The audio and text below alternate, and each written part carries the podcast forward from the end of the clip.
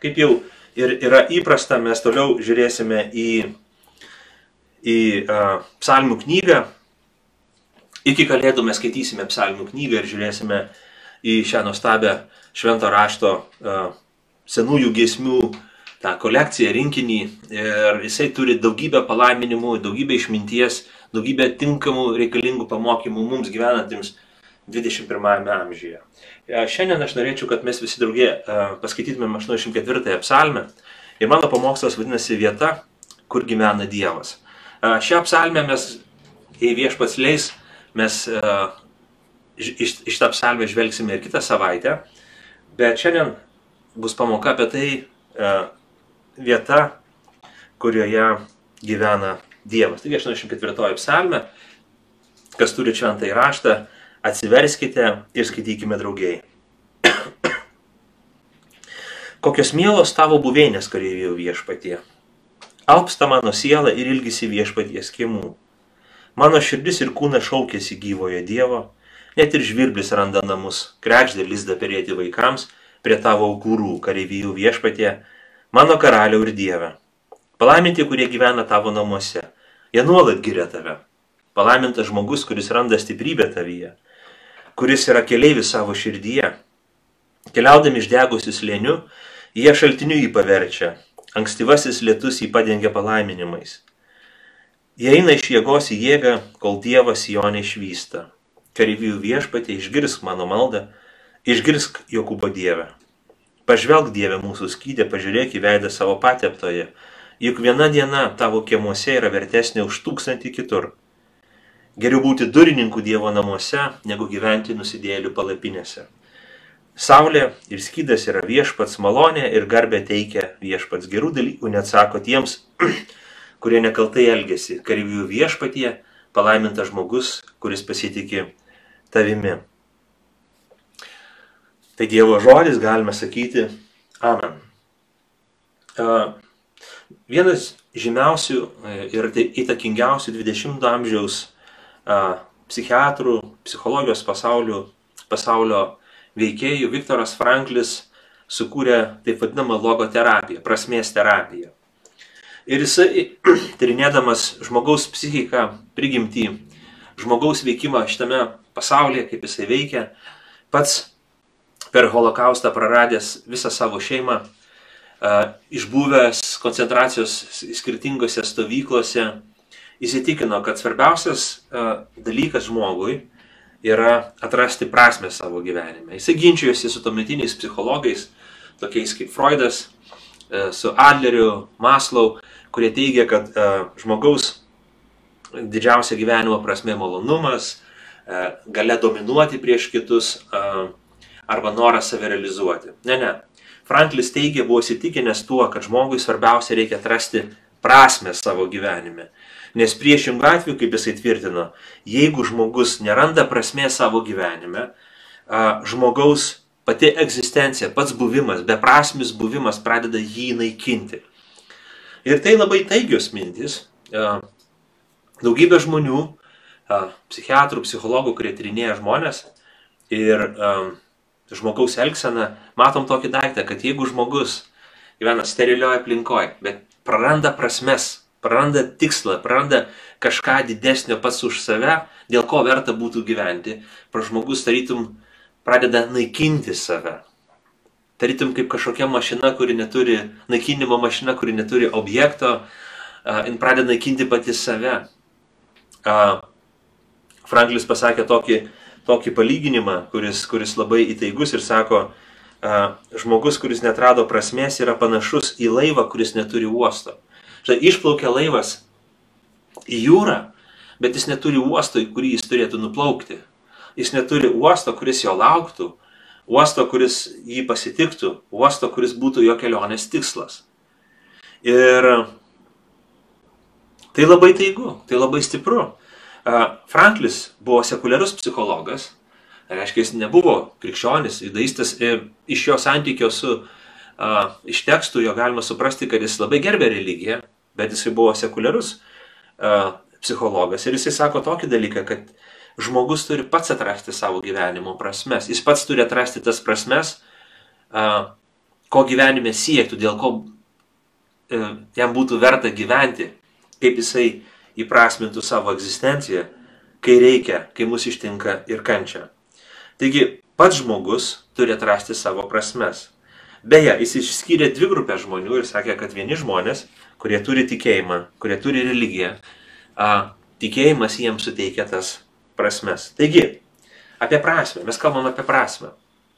Aš manau, kad Dievo žodis, šventas raštas kalba, psalmių knygos kalba apie tai, kad Biblija mums atskleidžia žmogaus gyvenimo prasmes. Biblija mums kalba apie tai, kas galėtų būti mūsų gyvenimo prasmes.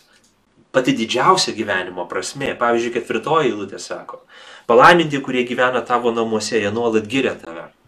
Palaiminimas.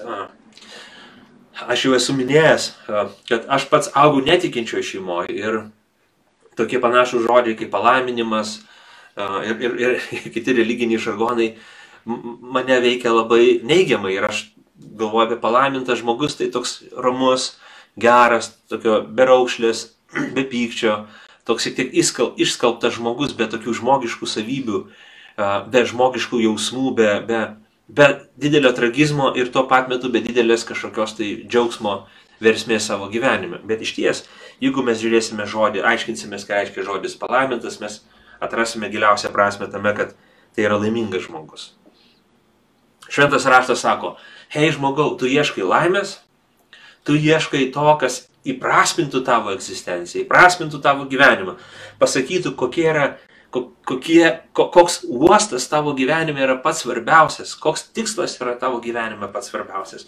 Dievo žodis sako, pats Dievas yra tavo gyvenimo tikslas, jis turėtų būti didžiausias tavo gyvenimo siekis ir troškinys.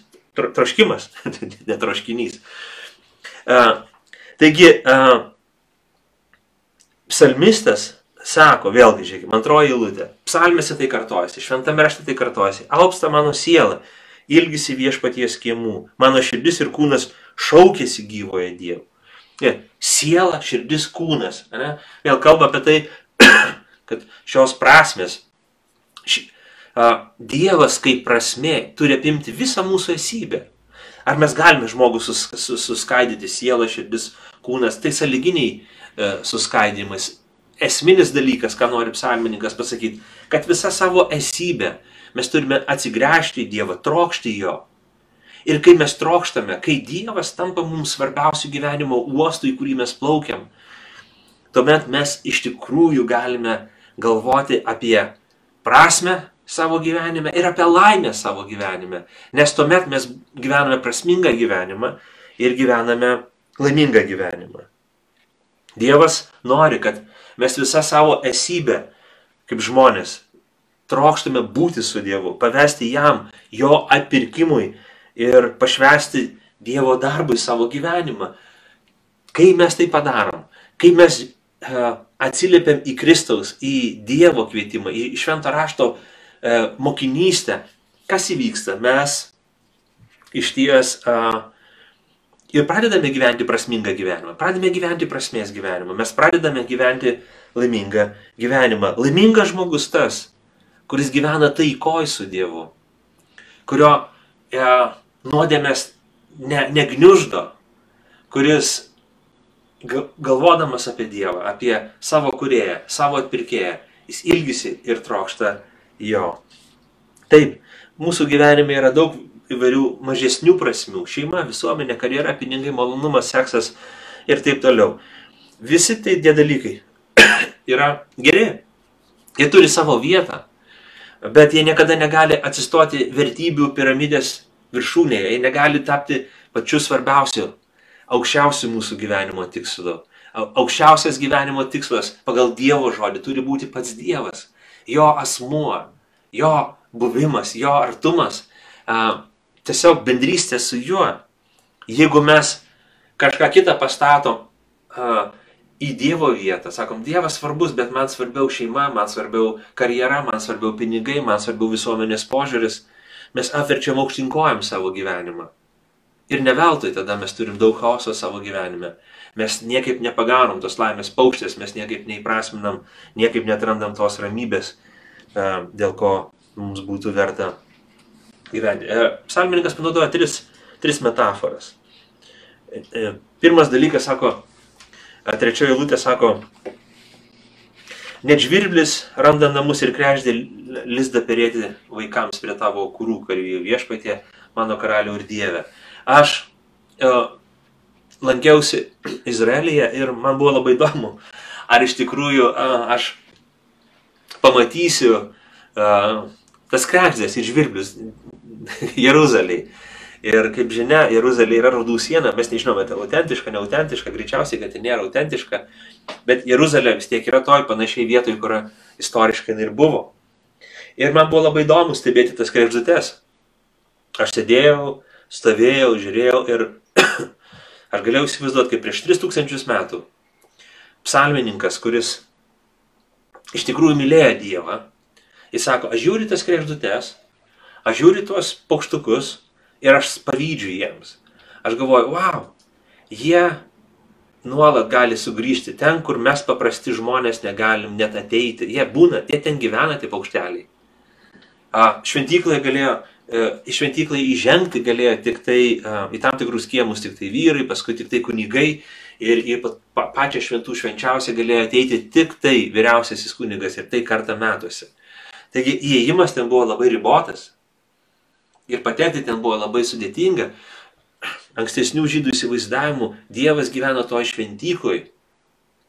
Ir tada jie galvoja, o, kad aš būčiau kaip paukštelis. O, kad būčiau kaip paukštelis, kuris nebūčiau varžomas. Ir galėčiau atskristi ir būti prie Dievo aukurų. Žmogus ilgėjasi Dievo aukurų. Žmogus ilgėjasi, žiūrėkit, kaip jis sako, kokios mielos tavo buveinės. Jis ilgisi tavo, jis ilgisi viešpaties kiemų, jis ilgisi Dievo aukurų. Jis masto apie šventyklą, apie Seno testamento šventyklą, kurią pastatė Davido sunus Saliamonas ir sako, o, aš mastau apie tai, aš galvoju apie tai. Ir labai norėčiau būti toje vietoje, kaip tas paukštelis.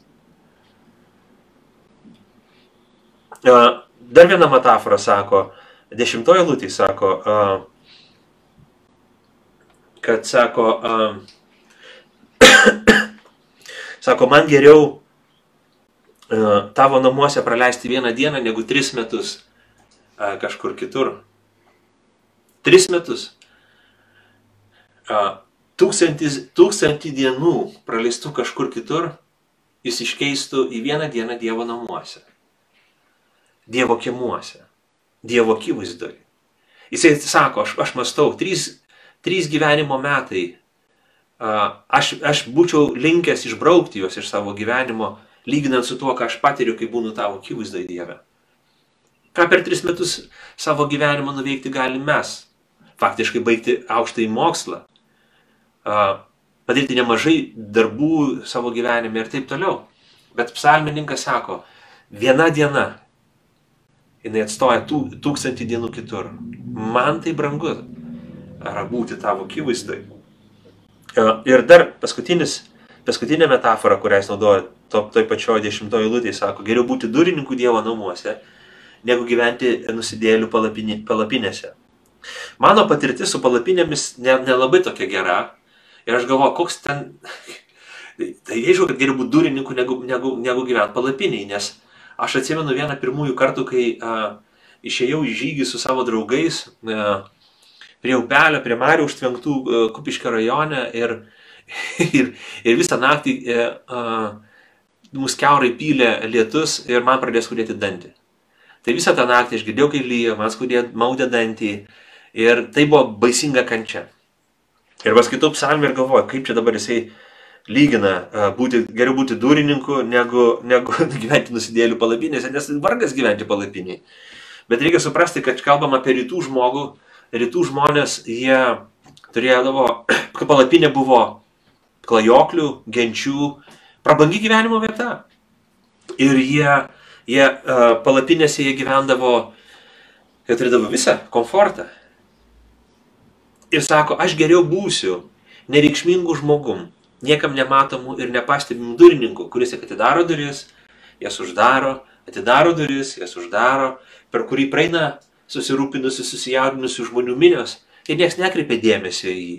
Aš geriau būsiu socialinė prasme, neužlipęs kažkur į kopėtėlę, į viršūnę, geriau nebūsiu pripažintas, geriau nebūsiu savo visuomeniai a, įvertintas medaliais, pripažinimo ordinais ir, ir aš nežinau, kažkokiais garbės laipsnis apdovanotas žmogus, bet būsiu tavo namuose. Aš geriau būsiu tavo namuose, negu su nusidėlys mėgausiuosi prabanga. Pasirinkimas, vertybių skalė. Matom, vertybių piramidę. Kaip jisai sako, ne, ne, ne, jeigu reikia lyginti, aš iš karto pasirenku, aš iš karto pasirenku uh, viešpatį, aš pasirenku buvimą su juo. Man tai svarbu. Buvimas jo namuose. Buvimas jo namuose buvo esminis psalmininko tikslas. Taigi, vieta, kur gyvena Dievas. Čia labai svarbus dalykas. Tuometiniai žmonės be abejo buvo įsitikinę, kad Jeruzalė, Jeruzalė šventykla buvo ta vieta, kurioje tiesioginiu savo buvimu buvo viešpats. Žmonės buvo įsitikinę, kad jie turi ir Senasis testamentas taip mokė, kad jie turi bent tris kartus per metus aplankyti Jeruzalę, aplankyti šventyklą, atnešti auką ir pasirodyti Dievo akivaizdoje. Ir be abejo, jų mintis ir buvo apie tai, kad, o, aš noriu būti Dievo akivaizdai. Ir jie galvojo apie, apie šventyklą. Ir mums, uh, jo, tai, tai, tai turėtų būti svarbu. Mes matom salmėse, ne, kai, kai, kai žmonės ilgisi Jeruzalės, ilgisi šventyklos, tai yra natūralu. Bet uh, mes atsakykime į klausimą, kurgi ta vieta, kur Dievas gyvena. Uh, pranašas Izaijas 66 skyriuje, jisai sako tokius žodžius, rašo tokius žodžius. Taip sako viešpats, dangus yra mano sostas ir žemė mano pakojis. Kur yra namai, kuriuos jūs man norite statyti ir kur mano polisio vieta? Mano ranka visą tai sukūrė. Ir tai visą atsirado, sako viešpats. Aš pažvelgsiu į žmogų, kuris yra vargšas, bei turi atgilaujančią dvasę ir dreba prieš mano žodį. Žiūrėkim, dar Seno testamento metu, kokie 600 metų iki Kristaus, pranašas gyvenantis Jeruzalėje sako, hei, hei, hei, negi jūs taip keistai galvojat, kad jūs galite pastatyti kažkokį tai akmeninį statinį a, ir pasakyti, čia vieta, kur gyvena Dievas. Ir nesako, dangus netalpina, netalpina Dievo, o žemė yra tik jo pakojis. Visa regima ir neregima kūrinyje netalpina Dievo. Dievas yra daug daugiau negu, a, negu žmonės galėjo ir gali įsivaizduoti. Viešpats kalba tokį dalyką, kad jisai nėra kaip koks namų kaukas, kuris gyventų plytų ar medžio surestose šventyklose. Dievas nėra tas, kuris, kuris gyvena tam tikroj a, lokalizuotoj erdvėje ir sakytų, va čia gyvena Dievas, čia jau jo nebėra. Taip mąstė pagonys. Bet, bet šventas raštas sako, ne, net negalvokit šitaip.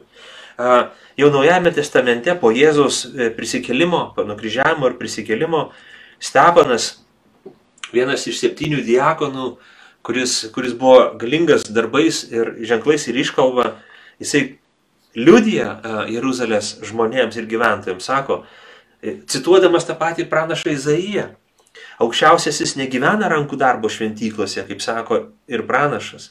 Dangus mano sostas, o žemė mano pakojais. Taigi viešpaties ranka tai padarė. Taigi, žiūrėkime, Jėzus, kai mirė ant kryžiaus, šventyklos uždanga, kuris skiria šventų švenčiausią nuo šventosios, tą vietą, kur jau visi įsivaizdavo, jog ten yra Dievo buvimo vieta, jinai perblišo. Tai buvo simbolinis veiksmas ir aktas, tai kad Dievas sako, ne, ne, jūs manęs neieškokite šventyklą, neieškokite už sienų, mūrų, plytų, bet manęs ieškokite, aš esu visur. Aš esu misijos Dievas, aš esu Dievas, kuris gelbstiu pasaulį, aš esu Dievas, kuris negyvenu statiniuose. Ir kaip evangelikai mes tai suprantam, mes grįžtam prie teksto ir, ir gilinamės ir suprantam, kad iš tikrųjų bažnyčių pastatai nėra tikro, tikroji bažnyčia. E, tikroji bažnyčia nėra statiniai. Ir 20 amžius mums tai parodė, kai sovietai atėjo į Lietuvą, e, bažnyčių pastatus pavertė muziejais, parduotuvėmis, sporto salėmis ir taip toliau. Bažnyčia yra kažkas daugiau, kažkas kito mes Dievo negalime sugrūsti į statinį. Ir bažnyčia pirmaisiais amžiais net neturėjo statinių. Jie rinkdavosi dažnai viešose arba privačiose erdvėse, vietose, namuose. Ir ten jie bendraudavo vienas su kitu, jie šlovindavo Dievą, jie melzdavosi, lauždavo duoną ir mokydavosi Dievo žodžio. Taigi, bažnyčia nėra statinys, Dievo buvimo vieta nėra pastatas. Aš dažnai susiduriu su, su nustebusiais žmonių veidais, kai jie a, klausia manęs, kaip pastoriaus, o, nu tokia jūsų bažnyčia, taip toliau, labai fainai, gal užeisim, pasi, pasi, pasižiūrėsim, tai kur jūsų pastatas yra? Aš sakau, kuris čia jūsų pastatas, jie klausia, panevežyje. Aš sakau, mes neturim savo pastato, mes turim, mes nuomojam salę.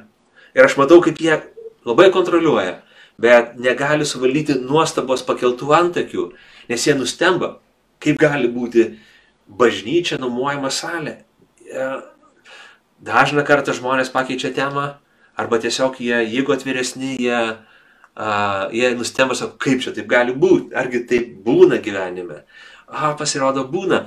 Uh, taip, vienos bendruomenės dėl finansinio nepajėgumo negali turėti savo maldos namų, savo statinių, Kitos bendruomenės net ir turėdamos finansinių išteklių visam pasauliu neinvestuoja savo pinigų į pastatus, bet galvoja, kad svarbiausias dalykas yra pažinti Dievą ir būti į misiją nukreiptai bendruomeniai. Bažnyčia nėra pastatai.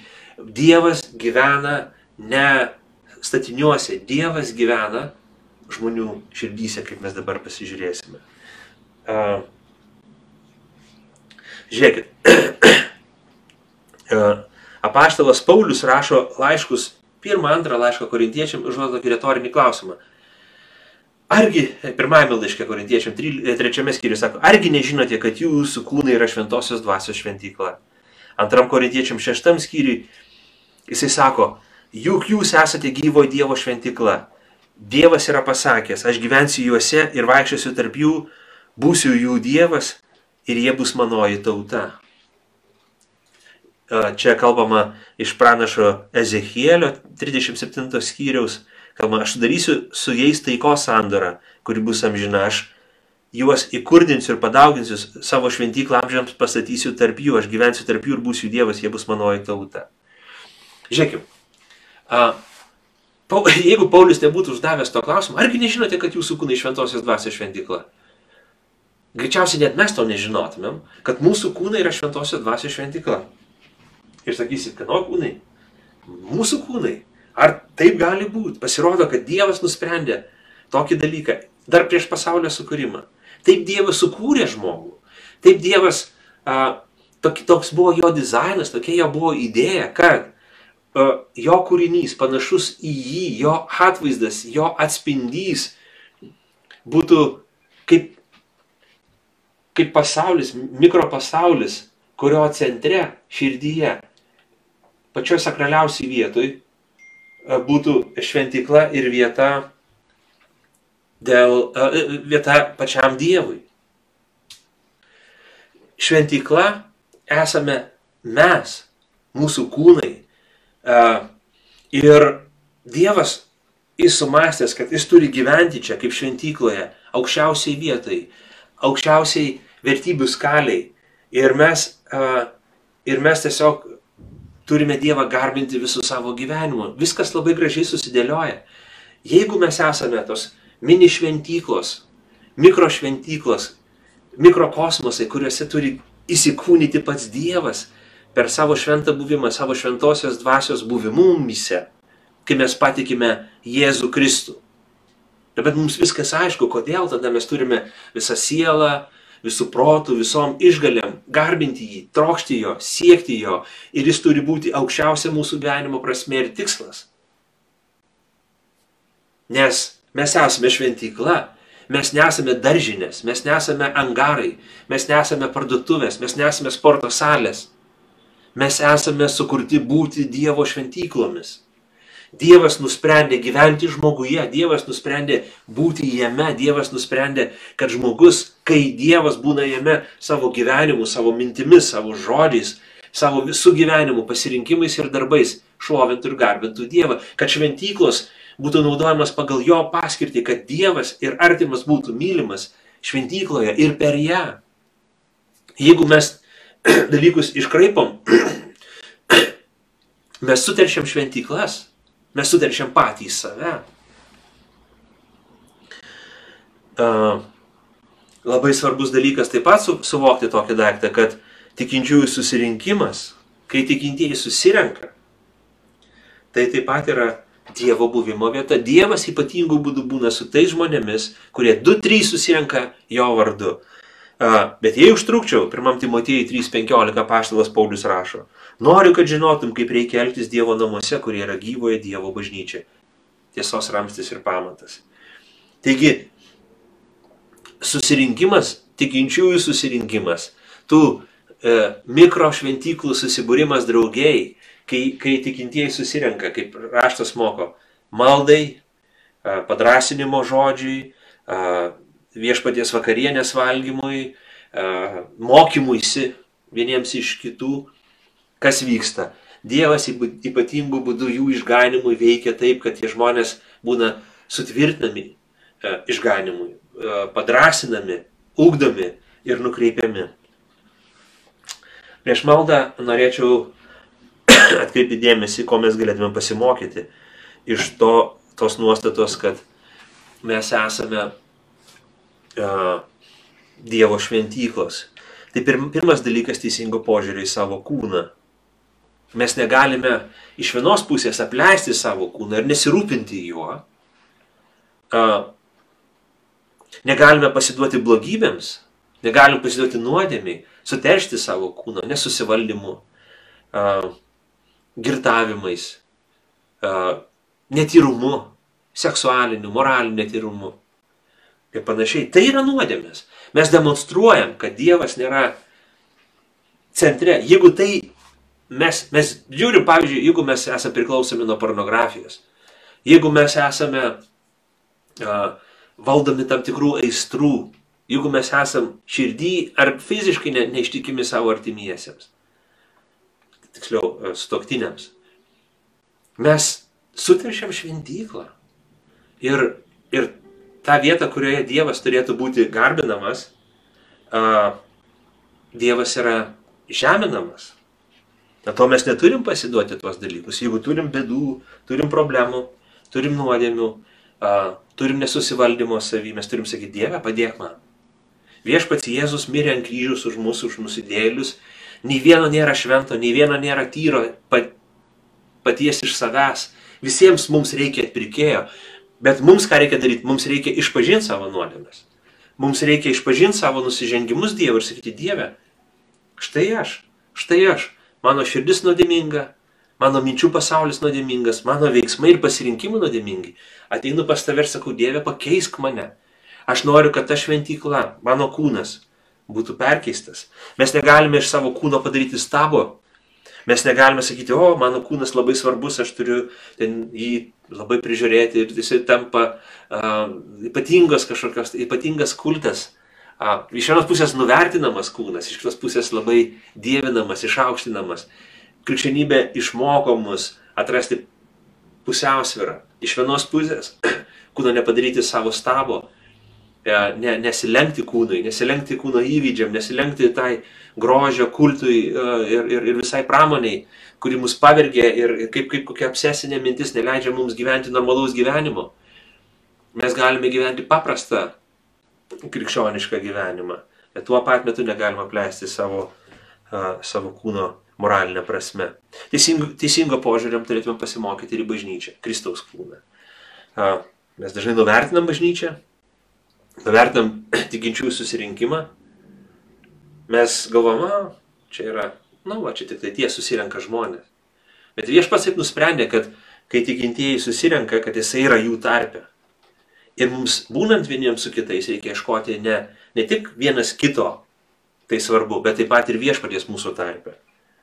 Dėl to mes atsiribojame vieni nuo kitų. Tai nėra gerai. Esame uh, linkę tarsi neįsitraukti, netarnauti vieni kitiems ir taip toliau.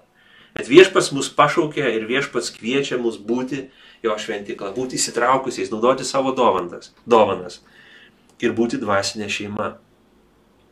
A, man patiko vienas įspūdis, kurį aš patyriau prieš penkis metus, kai buvau Junktinėse valstijose. Man teko aplankyti keletą bažnyčių, buvom pas paprastus žmonės namuose.